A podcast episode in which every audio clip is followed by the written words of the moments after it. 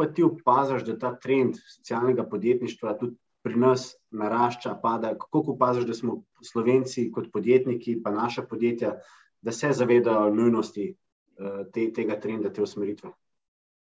Mislim, če gremo gledati ponovno, jaz bom se mogoče malo uh, gibal med social uh, in uh, impact entrepreneurshipom tukaj. Ne? Z vidika socialnega podjetništva moram reči, da je v zadnjih letih dobil mogoče malo slabšo konotacijo, že zaradi prilastka, ki sem ga prej omenil, uh, predvsem pa zaradi um, reči, uzurpacije tega prostora se strani nekaterega enega specifičnega sektorja. In uh, Sam prihajam iz njega in to je sektor, ki je nevladen. In nekatere organizacije so pač enostavno mislene, da če bodo postale socialna podjetja, da bo avtomatsko denar kar začel prihajati k njim. Ker point socialnega podjetnika, podjet, podjetnika in podjetništva je, da ti še vedno na trgu prodajaš storitve in produkte.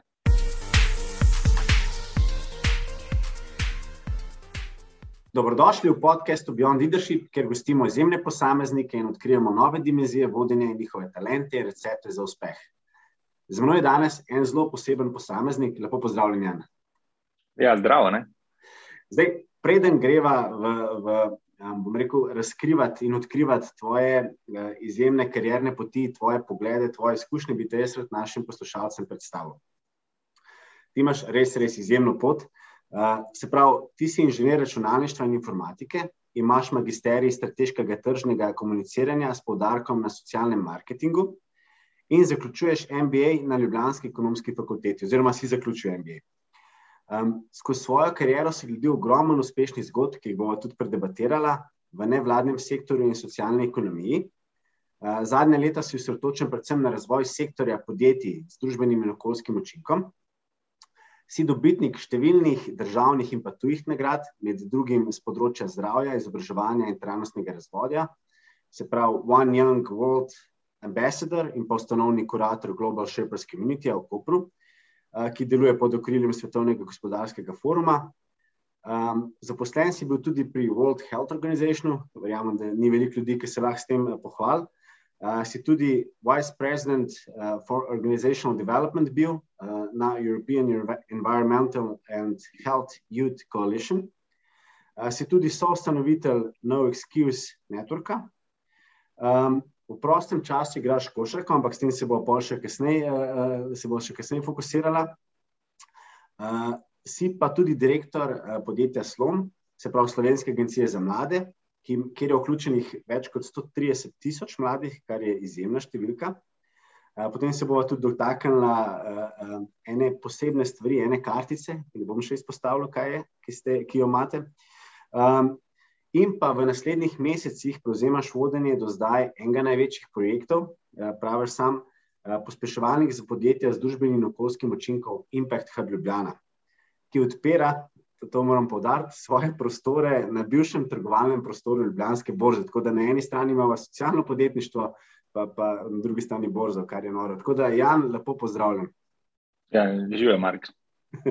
Zdaj, Ko gremo čez, eh, čez eh, tvojo kariero, pa, pa pogledamo vse te izjemne nazive, izjemne položaje, ki si jih imel, eh, jaz zmeraj zastavim prvo vprašanje in sicer, če bi se mi dva srečala v gimnaziji in bi bila sošolca, kakšen si bil, si bil že takrat tak inovator, podjeten, si hotel spreminjati svet, Ja, če bi se srečala mi dva v gimnaziji, po mojem, bi se mi dva ful zaštekala, če ne bi bila mogoče celo brez badja. Vsaj z vidika uh, najmih zadnjih srečanj si rečeš, uh, brother from another mother. Uh, drugače pa, lej, tako, vsak, uh, vsak gre neko svojo pot. In jaz sem začel svojo pot uh, v gimnaziji, predvsem skozi uh, takrat nam najbolj aktualna potovanja. Ne. Želeli smo si ful potovati, Erasmus vsi poznate, ali nekateri ste celo uspeli uh, imeti to super izkušnjo v tujini.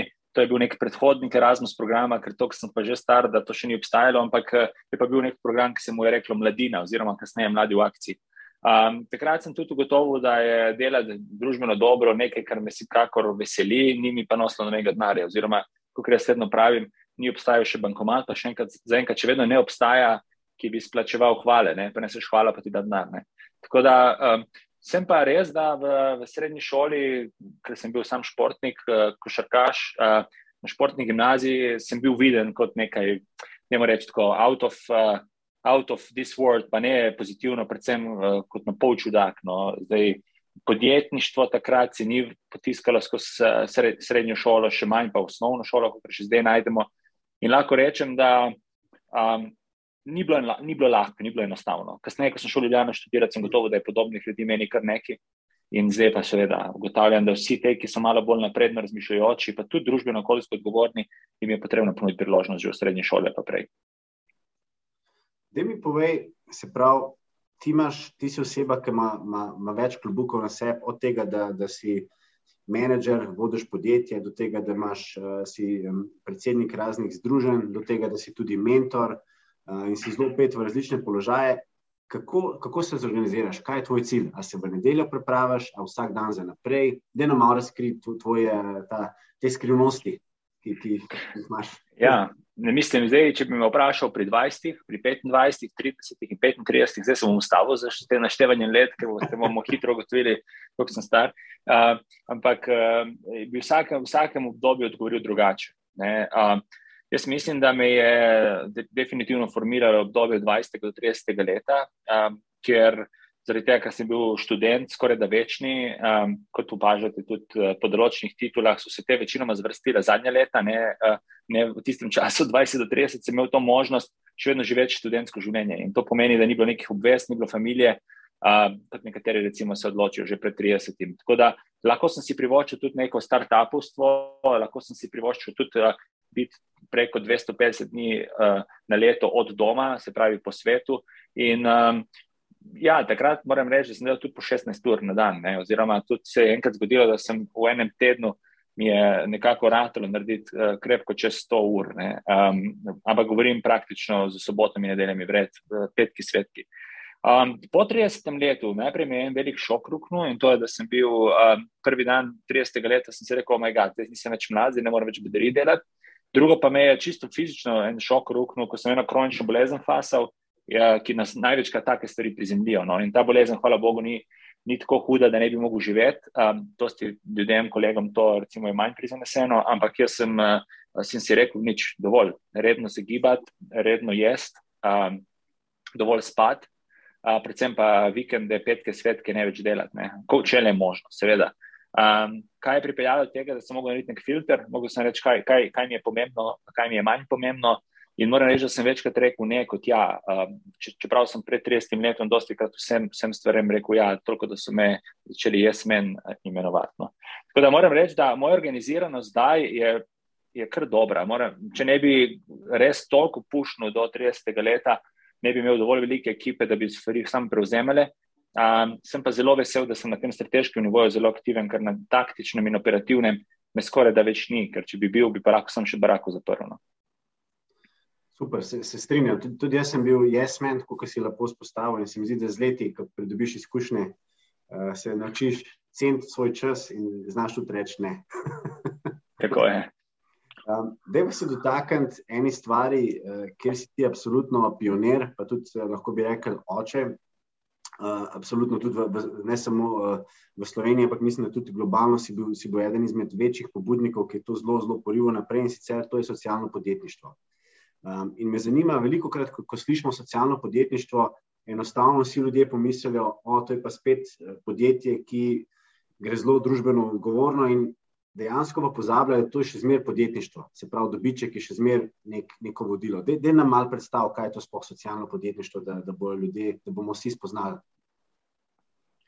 Mislim, na začetku naj te samo popravim, da hvala, da me kličeš, da sem oče tega, ampak uh, začetki socialnega podjetništva segajo leto 2001, ko sem jaz imel, ko sem bil najstnik. Uh, in uh, takrat, takrat je Mohamed Yunus dobil Nobelovo nagrado za to, in je tudi uh, vse, ki bi jih zanimalo, si lahko preberete dosta njegovih knjig, ki ne sejo, ampak zelo poljudno napisal, da uh, če hočemo kadarkoli spremeniti svet na boljše, uh, bomo, mi imamo dve možnosti. Ali naredimo revolucijo, kar večini ljudem ne paše in tudi on je ne podpira, ali pa gremo v reformacijo kapitalizma, kot ga poznamo. In uh, dejansko verjamemo, da na srednji dolgi rok je potrebno uh, narediti tako spremembo v glavah in nasploh v reči, naših biznis modelih, modelih, ker implicitno. Uh, je naš dobiček in implicitno je naš prihodek pogojen s tem, koliko družbeno in okoljsko odgovorno delamo. Ena stvar je sigurno vezana na vezana na to, ali smo, um, kaj se vem, zero carbon ali pa carbon neutral, ne, uh, kar je sicer en od načinov, da ne dela škode. Predvsem pa velja vzpostaviti primere dobrih praks, ki pa delajo družbeno-okoljsko dobro in s tem služijo. Recimo, en tak dober primer je Clean the Ocean projekt, ki ga skoraj vsi poznamo, ki s tem, da pač enormno služi in preulaga dobičke v dodatno čiščenje oceanov, poskrbi, da bomo imeli manj plastike v oceanih in s tem v naših telesih. Da pa tudi se poklonim mogoče res nekaterim očetom socialnega podjetništva v Sloveniji.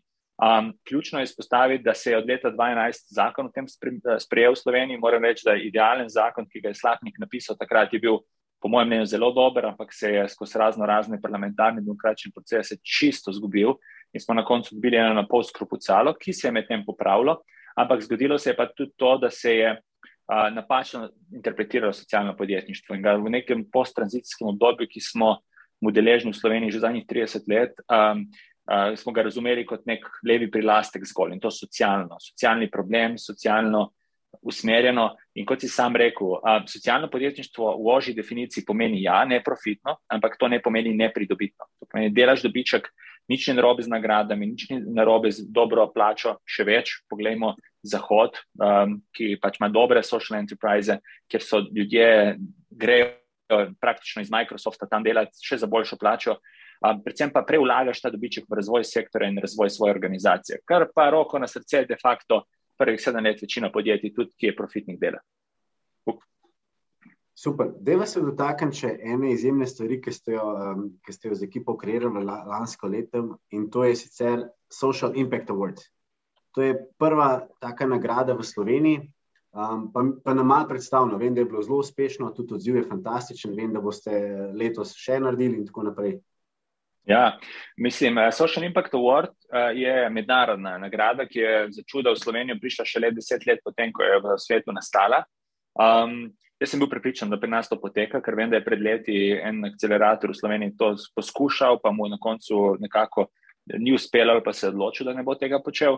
Ampak Social Impact Award je praktično to, kar sem zdaj povedal, da nagrajuje predvsem mlade uh, start-upe um, na nekem čisto kontemplacijskem nivoju, uh, neke idejnega razvoja pred, pred scale-upom, um, zato da mu da nek začetni push, da to, kar dela, dela dobro. Um, mislim, social impact award ni samo nagrada. Ne? Če bi bila samo nagrada, pol ljudi se ne bi prijavilo. Gre za mentorski program, gre za inkubacijski program. Uh, najbolj dosega pa razvija kulturo socialnega in impact podjetništva. Tu se dotikamo te druge uh, besedne zveze, impact podjetništvo, ker je v slovenščino zelo, zelo težko uh, prevesti, kajti impact bi bilo vpliv ne, in vplivno podjetništvo bi se slišalo kot vplivneži na Instagramu ali pa na TikToku. Zato govorimo o impact podjetništvu.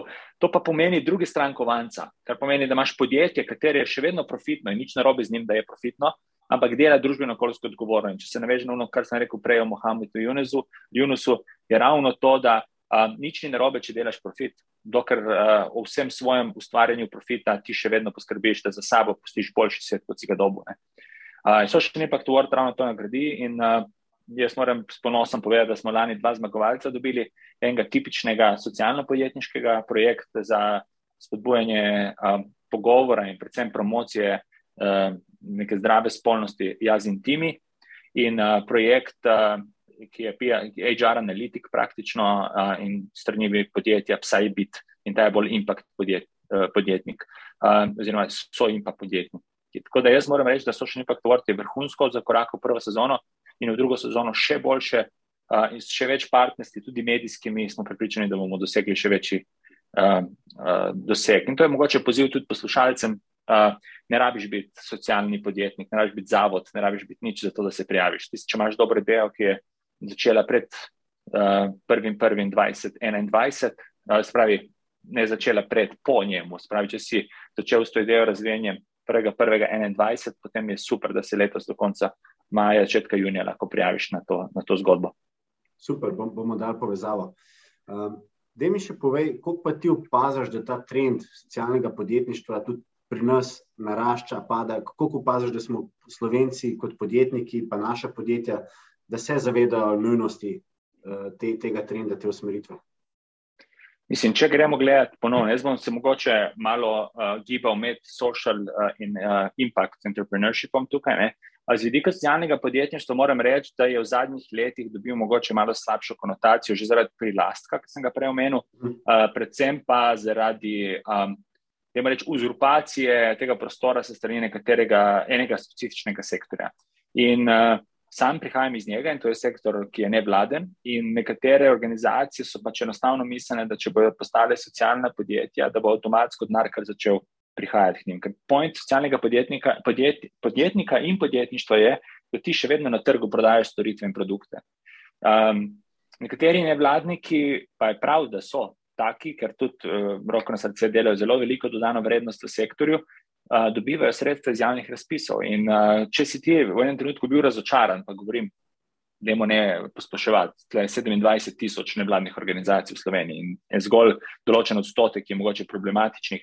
Ampak, če ti dobiš, recimo, nekaj denar iz javnega sektorja in potem se odločiš, ker si razočaran nad roki plačila ali pa višino ali česar koli drugega strani javnega sektorja, da boš zdaj kar nekaj postal socialno podjetje in boš kar začel prodajati produkte, brez da bi naredil neko tržno analizo, brez da bi se lotil tega zelo celostno, pač dejansko se to ne zgodi. In Evropa je na, na veliko promovirala in spodbujala socialna podjetja do te stopnje, da še enkrat so bila ustanovljena podjetja samo zaradi sa, sam, tako rekel, lar por lar, ne, da so samo sebi namen.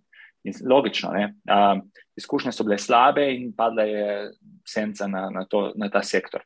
Na drugi strani, in obljubim, da je to uh, še 30 sekund vzame za to odgovor, ker če ne bom preveč časa vzel za cel podcast, ampak na drugi strani pa tu impact podjetništvo, ki pa ga moram reči, da postaja res buzzword, ta trajnost, sustainability, ki ga pa večina podjetij, nažalost, jaz recimo, sem delal na tem področju in se mi zdi na trenutke mogoče celo banalno, ampak se pa trudijo, boljše kot deset let nazaj, vsekakor. Ampak razumejo trajnost kot ne pol greenwashing. Se pravi, jaz bom zdaj dal v zeleno embalažo in bom dejansko rekel, da sem trajnosten. Ali pa vem, malo bom uh, moje oglase preusmeril v to, da je vse naravno. Naravno je tudi nafta, je naravna, ne? prihaja iz narave. No?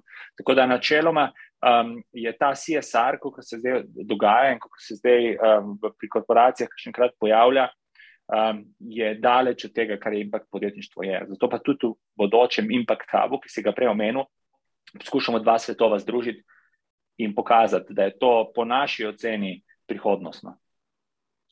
Deva se dotakniti, um, prej si izpostavil tudi, da je Social Impact Award in tudi to, kar se vi usmerjate, um, je tudi fokus na mentorstvo, ker startupe negujete, ki jih usmerjate, ki jih tudi v bistvu um, challengete, da postanejo še boljši, še bolj inovativni. Pa me zanima, ali si ti kdaj v svoji karieri imel kakšnega mentorja, oziroma imaš kakšnega mentorja, ker vem, da si tudi ti mentor uh, večjim posameznikom. Ja, jaz mislim, da mentori so ena taka svetla točka v življenju. Ko, ko, v bistvu, ko si takrat na, na tisti točki, da se ti pojavi naravno ali pa, pač umetno, da ti kdo dodeljen kot mentor, je, je kot nek, ne vem, nek nitro booster. Vse mislim, da dosti od nas, uh, tvojih poslušalcev, dosti krat to čutijo v tvojih podcastih, da to, to doživel. Ne. So nekateri, ki to imenujejo na enem podkastu od Mateja Cepina, ki se imenuje Goreči grm. Ne. Se pravi, kaj je bil tisti tvoj goreči grm, ki ti je odprl pot, tisti revelation. Ne. In meni osebno so mentori um, tisti goreči grm. Um, oziroma z drugimi besedami, um, mentori um, so mi pokazali, ali pa growth hackeri, bomo rekli, pot v nekaj, kar bi sam na lastni koži verjetno dosti več časa uh, potreboval, predvsem pa bi delal dosti več napak in ne bi bil tle, ker, ker sem. Zato toliko več vlagam v mentorstvo in zelo rad. Predvsem se pa vprašaš, ko dobiš mentorja, pa kaj ima ta tip od mene? Ali pa ta ženska od mene, zakaj, zakaj bi ona bila meni mentorka? Ne? Ker nek, nek catch mora biti in, in ga ni, ne? ker si altruist in ti sem trenutko razmišljaš, da je to res najboljše, ker zakaj bi delal iste napake, kot nekdo drug. Ne? Točno tako, pa hkrati se mi zdi zelo pomembno, da, da je oboje stransko učenje. Jaz sem ravno včeraj imel z mojim mentorirancem iz Litve, uh, en, en fantastičen fant. In tudi on meni zelo veliko uči o trendih, kako on razmišlja. Tako da mi je, mi je res fantastično. V bistvu se včasih celo najna mentorska urca je bolj usmerjena, da on mene izobražuje, pa, pa, me, pa me uči. Um, Deva se dotakniti še sloma, sicer Slovenske agencije za mlade, kjer si tudi direktor in imaš uh, zelo, zelo dobro ekipo, si me tudi spoznal. Kaj, kaj počnete, malo nam tudi potem razloži o tej vaši izjemni evropski mladinski kartici. Uh, vem, da, da imate več kot 130 tisoč mladih uh, izjemna, izjemna stvar. Tako da, da nam malo predstavlja. Ja, zdaj, um, čisto vsako stvar, um, slovenski agencije za mlade, ti ne bom mogel razložiti, prvo, zato ker nekaj teh projektov smo sicer že omenili, uh, nekaj pa tudi zaradi tega, ker um, so nekateri, ki nimajo tako pomembne vloge pri demo sektorsko-razvojnem uh, delu, ampak se kar predvsem usmerjajo na mlade. In, mhm. in ja, lahko je zanimivo razmišljati o štipendijah za mlade, lahko je razmišljati, fino razmišljati za mlade o priložnostih. Um, kar predstavlja en velik del našega delovanja, ampak v takem podkastu ne naredi to neko veliko razliko. Je pa res, da kot si sami izpostavili, Slovenska agencija za mlade je neko stičišče med podjetji, med mladimi in predvsem inštitucijami. In Slovenska agencija za mlade ima preko 100 partnerstv um, podjetij, uh, s katerimi sodeluje. Uh, podpisano ima pogodbo z Univerzo v Ljubljani, Univerzo na Primorskem. Uh, govorimo o preko 70 srednjih šolah, v Sloveniji je okrog 110. Um, tako da smo kar, dajmo reči, dobro situirani v tistih naših ciljnih skupinah. Um, človek se vpraša, zakaj pa ne Univerza v Mariboru. Predvsem zato, ker tukaj se odgovori samo posebej vprašanje. Ne? Mi nismo tam za podjetja. Ne? čeprav podjetja dosti krat najdejo neko super priložnost za mlade, ne? mi smo tam za mlade. Ne? In ko, ko, ko recimo nekdo ponudi nekaj, kar ni 100% narejeno za mlade, kot je bilo pri Univerzi v Mariboru, pa ne, brez nobene zamere. Univerza v Mariboru vrhunski, uh, vrhunski zavod, uh, uh, izobraževalni, ampak pogoji ni, ne bi bili enaki za recimo študente v Ljubljani, pa študente v, na obali. Uh, In smo rekli, ne, dokler ne bomo prišli na iste pogoje, da ne ustvarjamo neke dodatne neenakosti, pač tega ne bomo sprejeli. In, in to pelje malo na točko Evropske mladinske kartice. Namreč eh, ravno z njihovo pomočjo, torej nekaterih teh glavnih partnerjev, a, dosegamo v Sloveniji preko 130 tisoč mladih. To si pozabo omeniti. Ja. V, Evropi, v Evropi pa govorimo o sedmih milijonih ljudi. In jaz sem na nivoju Evrope predsednik te mednarodne zveze z, z mladinskih kartic. A, Med drugim, če ima kdo čas, naj si to zgoogla, eka.org. Uh, je pa res, da ta sam uh, spletni, spletna stran uh, naredi do neke mere idejo, kaj to je. Ne? Ampak jaz na, čist na kratko, če povem, kaj Evropska kartica pomeni, številnim mladim pomeni seveda kartica popustov na kratek rok, to je pač nek trigger, zakaj, njega, zakaj bi do njega dostopal oziroma zakaj jo imaš v naslednji fazi pa vse ostalo. In to je od informiranosti do spodbujanja mobilnosti. Um, za podjetje pa najbolj zanimivo, roko na srce, 130 tisoč mladih, imaš komunikacijski kanal do njih, lahko spodbudiš uh, tudi neko bolj trajnostno potrošnjo, in seveda od tega imajo mladi, in na koncu tudi podjetja nekaj. Izjemna številka, res moram verjeti. Mislim pa, že, že v Sloveniji 130 tisoč um, mladih je zelo, zelo impresivno. Um, Deva se vtakniti, ti si že, že več ekip postavil, več ekip si vodil, pa tudi ekipo, ki jo imaš zdaj, je, je, je res fantastična. Pa me zanima, ko si postavil ekipe, kaj so bile glavne lastnosti, na katere si, uh, na katere si bil pozoren, katere si iskal oziroma želel imeti v ekipi. Ja, odnos, to je to. Pač, uh, spet, uh, mislim, da je Sinek uh, ravno to rekel, da you, you, you hire for attitude and you train for skills. Um, vedno, kadarkoli sem gledal, je bil vedno odnos, uh, skladnost vrednot.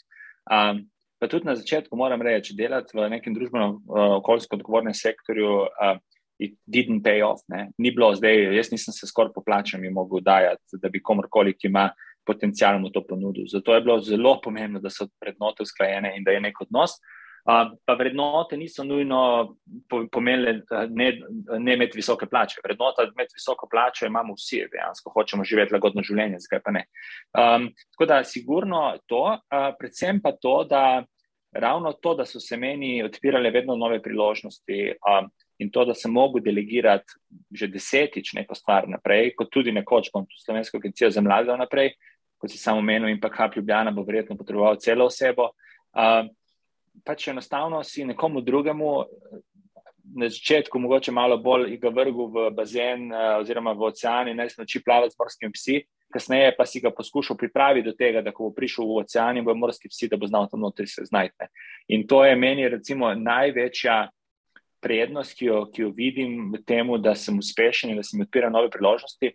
Da, da dosti krat sem rekel ne, ker nisem bil še pripravljen. Uh, za tisto stvar, ki sem si jo lotil. Ne. predati naprej. No. Ker nekega polovičarskega dela pa se nikoli nisem šel. Ne. In če bi nekomu obljubili nekaj v 3, 4, 5 letni pogodbi in ne bi zagotovil zadnje dve leti pogodbe, nek, nek, nek standard, ki si bi ga želel, pol, um, sem raje zavrnil nekaj, kar ni moglo biti kompa, kompatibilno s tem. No. Tako da odnos, evo, gled, brez nobenega vikarjenja v tem sektorju, brez odnosa, ni, mislim, brez odnosa ne moreš delati. No. Se strinjam, ja. se mi zdi, da, da je to res ena ena večjih stvari, ki, ki je tudi meni osebno zelo pomembna, ker sem del ekipe ali pa ki postavljam svoje ekipe, je ta v bistvu, kako se reče, odnos, energija, ki jo čutiš od posameznika, pa samo inicijativnost. Deva se vtakniti na, na drugi strani, se pravi, zdaj smo šla v, v ekipe, na drugi strani me pa zanima, jaz tudi zmeraj malo potipam, bom rekel, ekipo od osebe, ki jo imam na podkastu, da, da probam dobiti še njihov pogled, pa moram reči, da so vsi zelo navdušeni nad tabo, te zelo cenijo, spoštujejo in, in so zelo veseli, da so del tvoje ekipe. Pa me zanima, kaj pa iz vidika vodje, misliš, da so tvoje dobre lasnosti, pa da so pomembne lasnosti današnjega vodje? Um, če vprašaš ženo mojo, bo rekla, bo rekla da sem zelo tradicionalen. Da, da, ko gremo v restavracijo, bom je, naročil vedno isto, kar sem bil tam pozitivno presenečen in bom vedno to naročil. In ona tista vedno, ki naroči nekaj novega, ker potem tiste restauracije vzameva tisto stvar, ki jo imam jaz rad, eh, oziroma ki, ki smo ugotovili obema, da je všeč, ampak je moja, ki sem jo izbral in polovna nekaj novega za me. Zakaj sem to navezal? Ker sem v službi čisto obraten. Um, in to je tako, ne? ljudje, ki so super organizirani v službi, imajo pa doma, doma vse razmetano.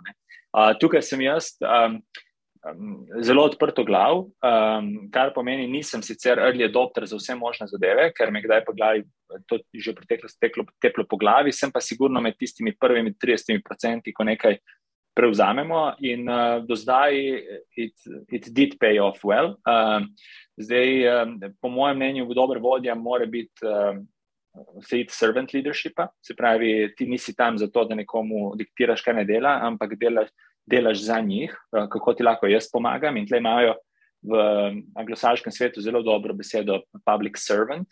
Ne? Se pravi, jaz sem tam zato, da tebi služim, ne pa da obratno. Uh, Um, in predvsem uh, v tem, uh, tem delu servant leadershipa, um, jaz se lotevam enega zelo enostavnega reka in to je to, da zaposluj ljudi, ki so boljši od tebe. Ker če bomo zaposlovali ljudi, ki so slabši od mene, zato ker bi moj ponos zaradi tega trpel, nismo naredili nič. Tako da um, zaposliš ljudi, ki so boljši od tebe, seveda v nekaterih stvareh. Kar v čem se lahko rečem, da sem jaz boljši od njih, je to, da sem boljši generalist, verjetno. Ne? Kar pomeni, da boljše razumem določeno področje in se, zna, in se hitro učim.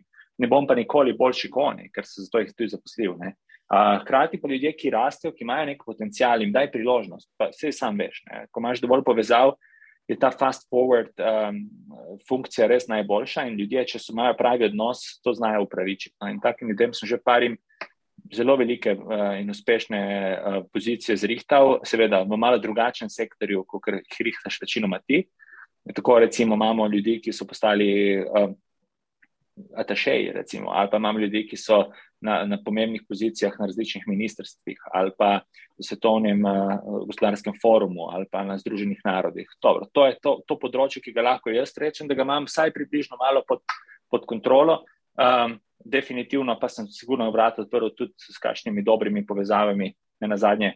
Dobro povezava si tudi ti še komu, ki je bil res uspešen. In tu so recimo inkubiranci, a, naši um, sigurno dobili odprta vrata tudi v kakšni korporaciji, ki je bila naš podpornik. No.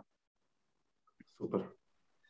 Se strinjam. In se pravi, meni, meni je blazno všeč tvoje razmišljanje, kot si prej omenil, ki se, se srečaš z kakšno osebo, ki te fascinira in imaš občutek, da se poznaš že, že kar nekaj časa, že, že od prejšnjega življenja.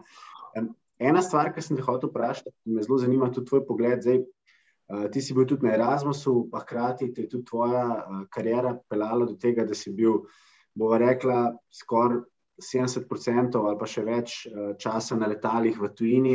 Pa me zanima, koliko se ti zdi danes pomembno, ko živimo v zelo globalnem svetu, ta nota tujine. Se mi zdi, da ogromno slovencev še zmeraj razmišlja, če, če bi, bi šli v tujino na izmenjavo, bi šli v tujino probati kariero, pa se mogoče kakšni ustrašijo. Kako ti gledaš na to, koliko se ti zdi to pomembno, da dobiš ta globalni mindset? Mogoče, če bi me 2019 vprašal, bi ti rekel, uf, um, posod je lepo, najlepše doma. A, zdaj, po tem, ko smo videli, da se dosti stvari da nadaljavo narediti, pa bi bil prej, bi šel prej delati v tujino. Samo ta 700 let, ko sem bil na letalih v tujini, sem bil, sem bil skoraj 100 držav. Um, dosti moram reči, da sem na začetku tudi prvih takih um, priložnosti za govore ali pa za neke sestanke imel tudi zaradi lokacije, niti ne toliko zaradi cilja. Uh, kaj bi bilo treba tam, da se zadnje leto sem to pa zelo filtriral in se, hvala Bogu, znižal na, uh, na najbolj esencialne poti, še posebej, odkar sem moče. Ne? In zelo rad si želim biti doma tudi z družino in s tam malim, uh, spravi ženo in s tam malim. Um, po drugi strani pa, da ja, ti si tudi dosti sveta videl in ti lahko tudi ti verjetno mi bi potrdil, da um, kamorkoli greš po svetu, nisem bil še na Novi Zelandiji, pravi, da je drugače, ampak uh, sicer vsaj kjerkoli v Evropi sem bil, pa Severni Ameriki, večino se vsi pritožujejo nad sistemom, pritožujejo nad politiko. Um, ta, ta beseda, samo pre, pre, prenesena v druge jezike, oziroma besedna zveza, čim prej ven, um, se pojavlja praktično povsod. In pol je najbolj zanimivo, da, da, da recimo greš v neko državo čim prej ven. Primer, kolegica se je preselila v Belgijo, zato ker čim prej ven iz Slovenije in v Belgiji zdaj praktično je sprejela enako danes, kot ima v Sloveniji in to je, da živimo v takem svetu, kjer, kjer imamo politike, sem pač medije ne spremljajo v flamščini in je pač zaradi tega ne, ne, ne, ne sekirajo toliko. Tako da moje mnenje je, da smo v globalnem svetu praktično bolj podobni en drugemu, kadarkoli prej. Um, delati v tujini ti da sigurno eno širino, In če izbiram med vsemi državami sveta, kjer sem kadarkoli bil in delal, jaz bi delal v Sloveniji. Ne glede na to, tudi splačo slovensko, menedžersko, pa ne govorim 3000 neto plus, ampak da ima reč med 2 in 3000 evrov živiš tako lagodno življenje, kot nobeni drugi državi ne moreš. Te moram, te moram kar eh, pohvaliti, ker se mi zdi, da tudi jaz sem kar, kar nekaj časa potoval, tudi preživel v tujini in moram reči, da Zmer, ko, ko priješ domov v domovino, ki vidiš, da imamo uh, izjemno naravo, zelo kvalitetno hrano, odnose, vse to je rejen, se mi zdi, da res ni, ni kraj na svetu, no, ki bi bil tako fantastičen. Uh, hkrati je pa prednost, uh, veliko ljudi izpostavlja to mehkost kot negativno, oziroma slabo. Meni je pa to velika prednost, ker dejansko se, se vsi na nek način poznamo, oziroma lahko skoraj prideš do vsake osebe v dveh korakih in, in se ti lahko vrata zelo hitro odprejo. Ja, ful ni pričakovanja. Ja, veš, kaj tudi moram reči nad Slovenijo, ni takih pričakovanj, kot ljudi, ki končajo, ne vem, ko končajo recimo neko ful prestižno šolo v Franciji ali pa ne vem, uh, Oxford, Cambridge. Um, tukaj je dejansko, ne, they're not expecting much in vsaka zadeva, ki jo narediš, je presežek. Predvsem pa je država tako majhna, da kar hitro lahko zrasteš uh, in prideš blizu inštitucijam, blizu velikim uh, playerjem. In uh, je tisti odnos, ki, ki, ki odpira vrata. No? V drugih državah praktično je ta, um, kako bi rekel v slovenščini, uh, ta, ta um, um, podedovanost um, pozicije in podedovanost nekega, nekega um, ranga v družbi, dosti bolj prisotna kot tukaj. Ti lahko si štartov kot kmet tukaj in si lahko jutri imel uspešno podjetje. Ne? Vse ne rečem, da je dream can come true tudi v zahodnem svetu, ampak je dosti, dosti, dosti teže kot tukaj. Imáš pa potem druge težave, tudi da ne moreš tako hitro skelapati, kot tam, kot je enkrat ratane. To je pa res, ja, manjši trg. Um, deva se še dotakniti, ker me, me, me blazno uh, fasciniraš. In sicer, a je bil v, v tvoji karieri ali pa v tvojem življenju kakšen trenutek, američani temu doskrat pravijo, da aha, moment, ki si se pa ti zavedel, to je to, kar hočem početi. Jaz hočem biti uh, del um, tega v bistvu socialnega oziroma impact podjetništva, hočem to kreirati, hočem to dvigniti na višji nivo, hočemo zaveščati. Ja.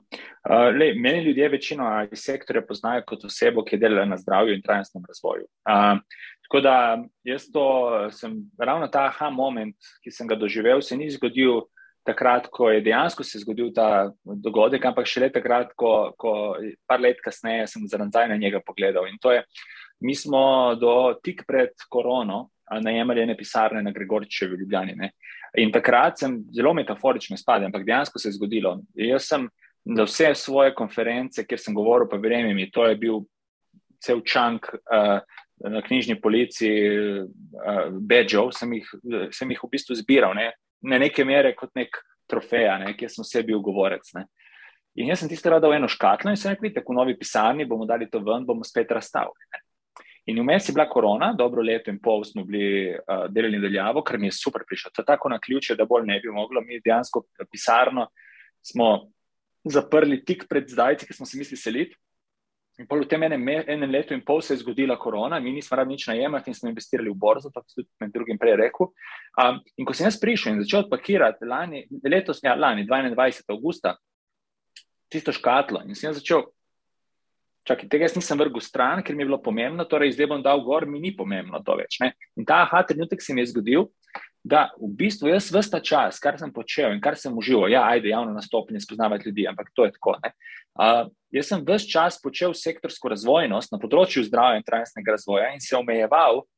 Mogoče z področjem zdravja in trajnostnega razvoja, ko pa znanje, ki ga imam, oziroma veščine in odnos, ki jih imam, lahko pomagajo širše na širšem področju. In evo, takrat je bil ta aha moment, da se je zgodilo, že v tistem trenutku, ko sem zapakiral škatlo in ko sem odprl, sem gotovo, da v bistvu tistega več ne rabim in lahko pustim v škatli. Ne. Tako da, kakšne kratke stvari zgodijo z namenom.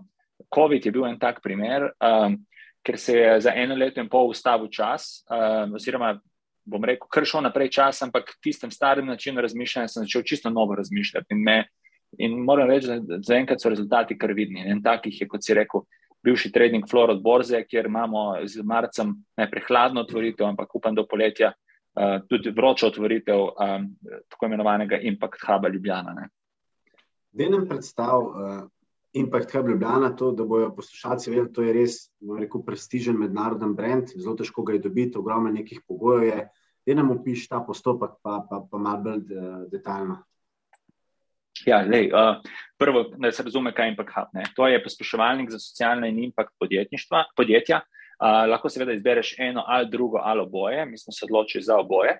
Um, hkrati je to neko working space, predvsem je pa uh, modus operandi. No. Se pravi, to je zadeva tako je zastavljena, uh, da je bilo neko presečišče med družbeno-okoljskim odgovornim sektorjem, ker dosti krat ljudje se napačno razumejo kot neki objemalci dreves oziroma kot neki hašišari na polne.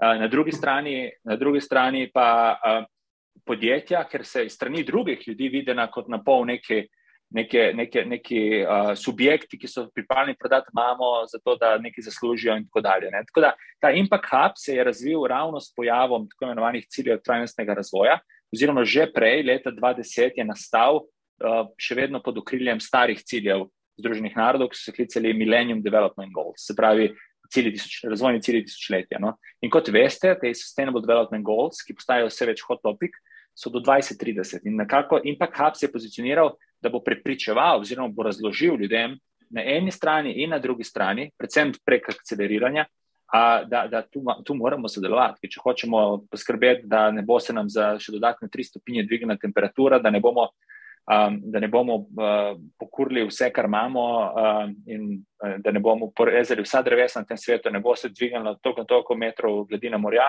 bomo mogli sodelovati. Oba sektorja, vsi sektori pravzaprav. No. In in pa kap Ljubljana, ja, postopek um, ni bil enostaven. Moram povedati, da po mojem sem šel. Ob zaključevanju MBA študija in ob nosečnosti svoje žene, prve v lanskem letu skozi praktično vse, kar lahko, in to je, da ta prijavnica je bila. Wow. Uh, če ti rečem samo to, no, da, smo, um, da smo impact assessment morali narediti za nekaj, kar dejansko smo še planirali.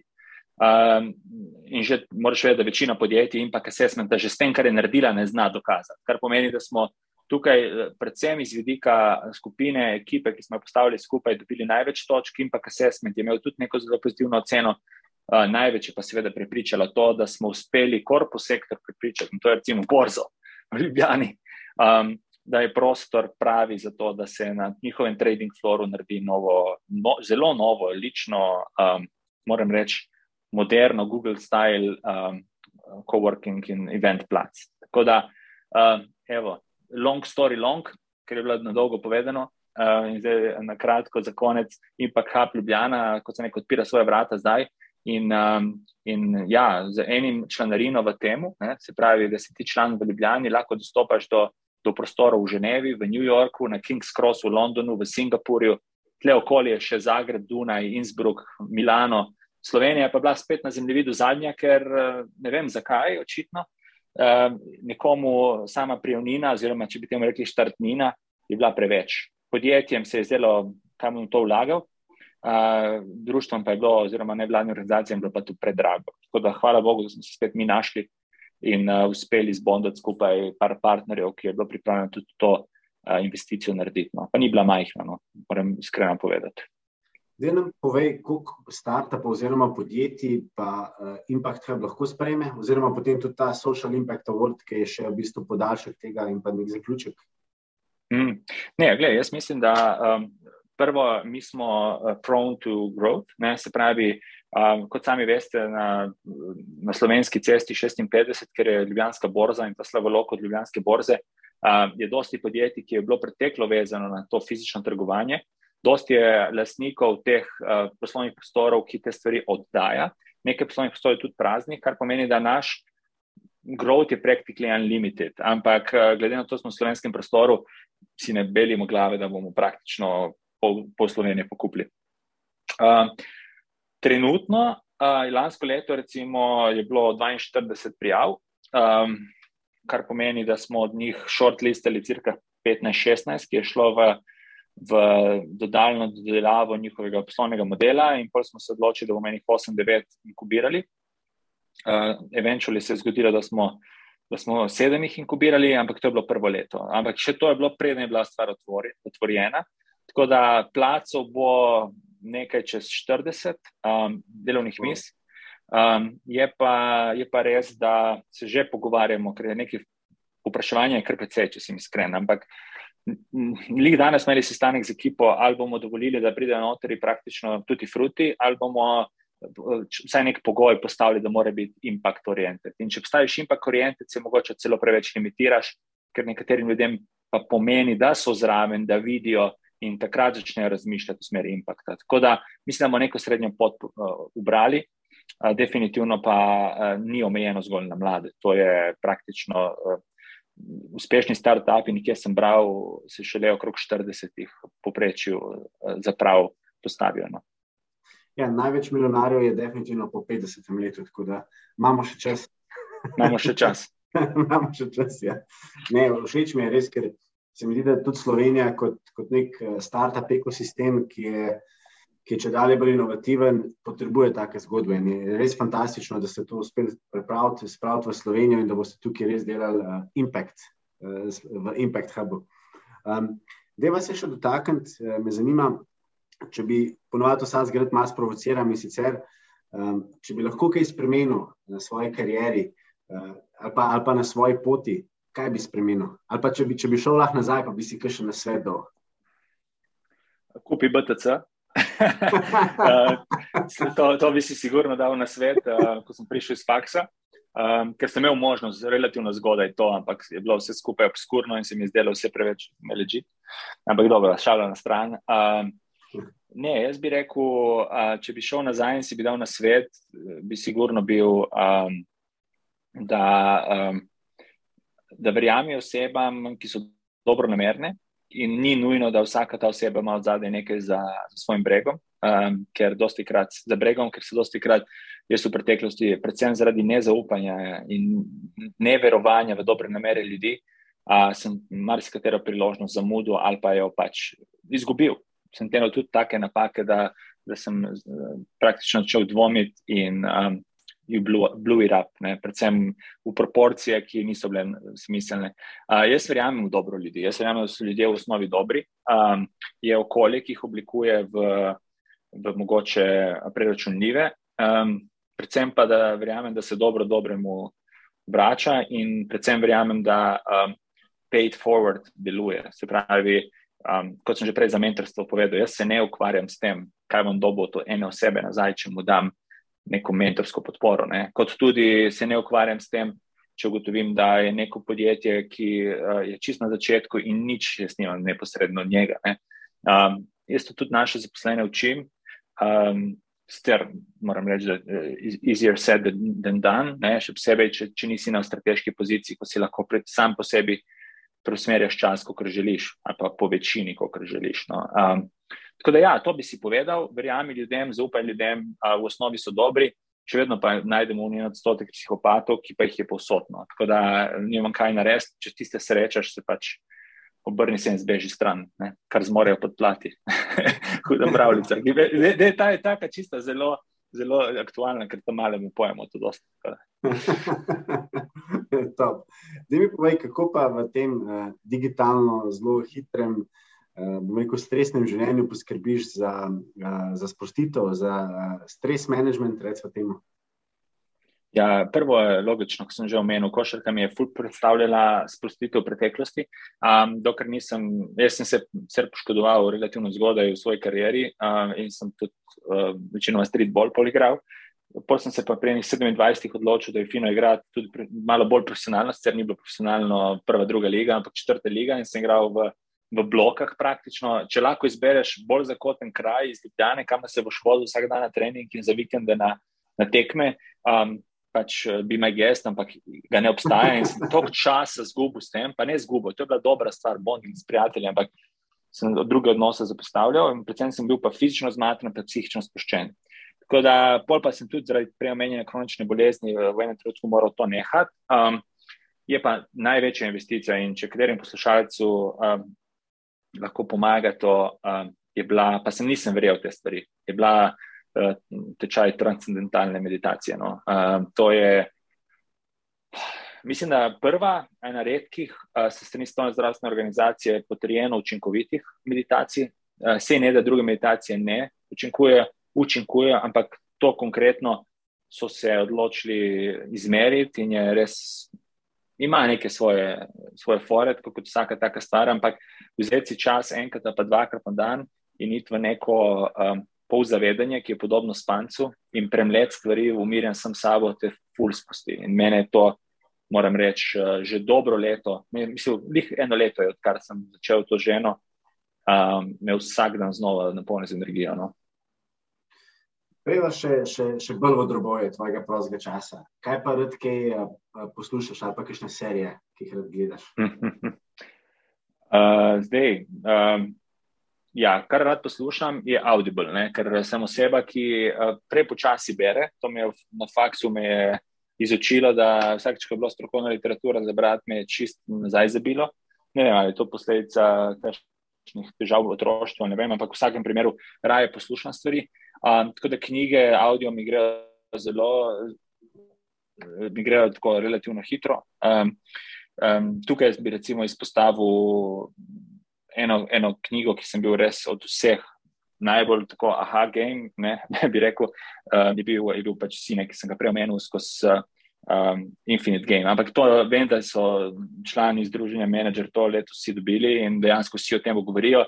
Jaz sem pač to srečo imel, da sem par let nazaj že to preposlušal. Kar se pa samih serij tiče. Uh, Lej, z ženo sva predtem tam malo prišla, bila binge watcherja Netflixa, uh, imela sva HBO, uh, Netflix, uh, uh, Apple Plus, zdaj počasi eno za drugo stvar zapiramo, razen Netflix, ker imam še tri ljudi, ki so gor vezani, ki, ki bi bilo škoda, da jim skenslam. Ampak gledaj, najbolj, najbolj tako, da mi je zadnje čase pasala serija, je bil definitivno uh, um, Kazati papel. Um, Drugače pa imam zelo rad uh, bodi si neke trilerje ali pa neke, neke, neke uh, razlagalne sistemske zadeve, niti ne toliko uh, dokumentarce, recimo House of Cards mi je bil zelo všeč. Pa tudi, če gremo gledati science fiction, Lost, to je pa dosti let nazaj, ko sem ga gledal, mi je res predstavljeno tako sprostitev. No? Ampak poskušam izklopiti službo iz teh večernih uh, aktivnosti, ko gledamo kaj. Uh, ker dosti kolegov poznam, ki pač pa res nabijajo, ko pridejo domov še dokumentarce o službi, ne, takrat tega ne rabim več. No.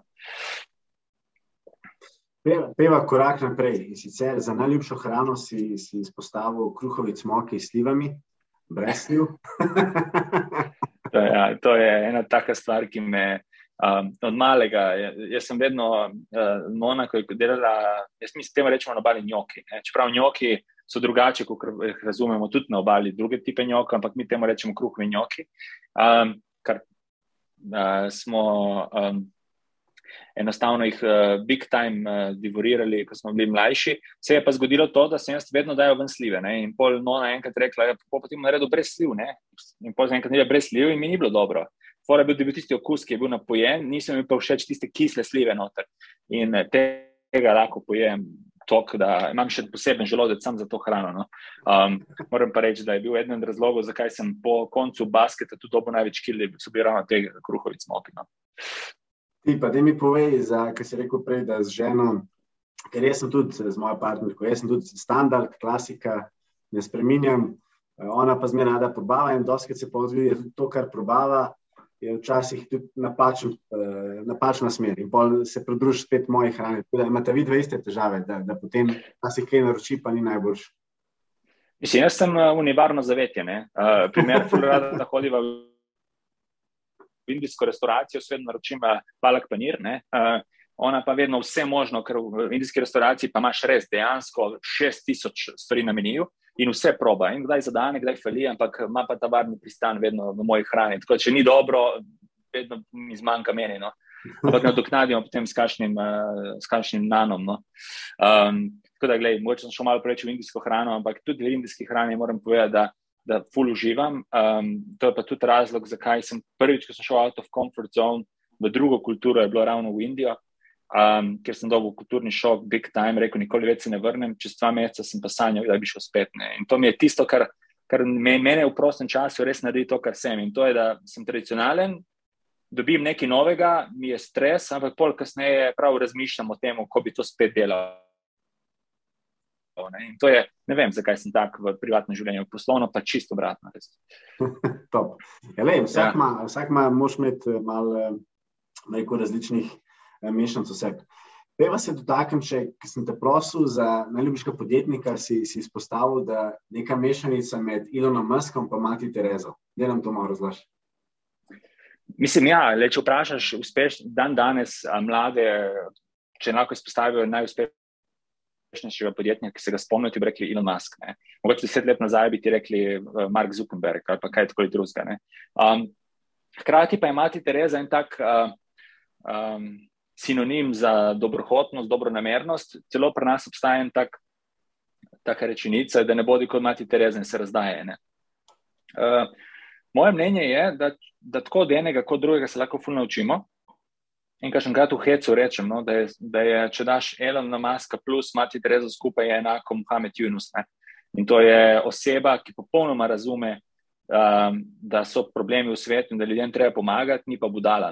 Uh, in obratno tudi. Uh, si podjetnik, uh, ampak ne za vsako ceno. Uh, tako da jaz mislim, da je to, čeprav Mati Tereza ni bila podjetnica, no, uh, je primer, primer tega seštevka tisto, kar mogoče mene najbolj oblikuje. No. In upam, da bo nekoč to rekel, seštevek med delovno masko in Mati Terezo Jan Pilozano. Top, jaz verjamem, da bo. Verjamem, da bo. Um, Peva še ena, uh, tudi zmeraj vprašam, ker živimo v dobi tehnologij, najljubša aplikacija. Uh, ja, odvisno kdaj. Lansko leto sem prodal kar veliko količino delnic na e-toru, predtem, če gledaš po UZG-u, je bil e-toro, sigurno.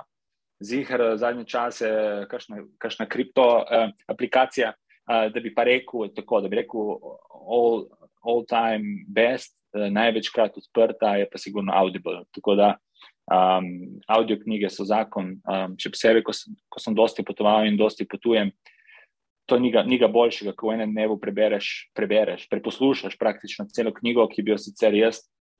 Enkrat sem šel, recimo, šel sem v, na dopust z mojo, tri tedne nekam, pa mi ni ratalo cele knjige prebrati. Tako pa mi je, kdaj pa kdaj ena pot z letalom rešim, še posebej daš malo hitreje, ker tisto počasno poslušanje pelje nikamor, ampak in, in, in še boljše razumem. Tako da so pa drugi ljudje, ki pač uh, ne gre drugače, kot samo da berejo. No, in, uh, in verjamem, da je vložek v tem primeru v hitro branje, ful dobra stvar. Pri meni pač to ne deluje.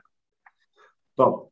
Jan, peva še na, na najpomembnejše vprašanje in sicer mi imamo že kar, kar lepo bazo sledilcev, poslušalcev, med njimi je ogromno mladih.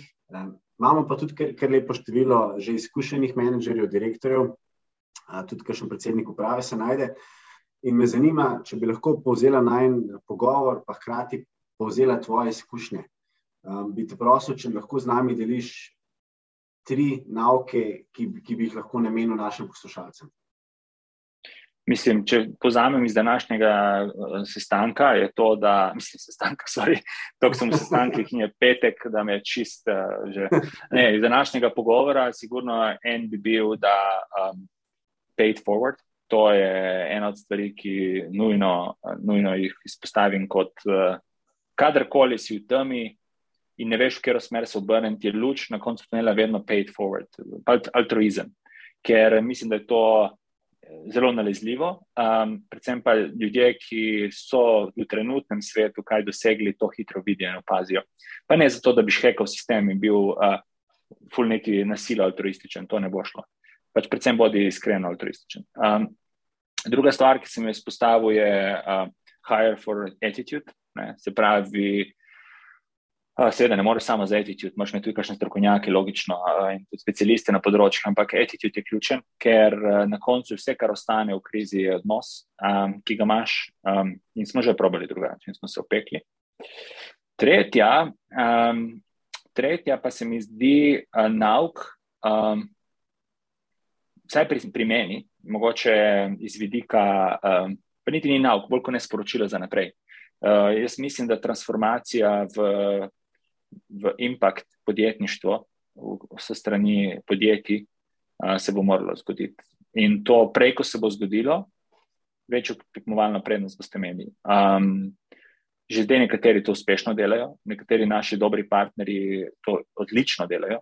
Um, ampak nekateri ga probajo, predvsem pa probajo skekati sistem ne, ali pa poskušajo ljudi malo pre, preslepiti.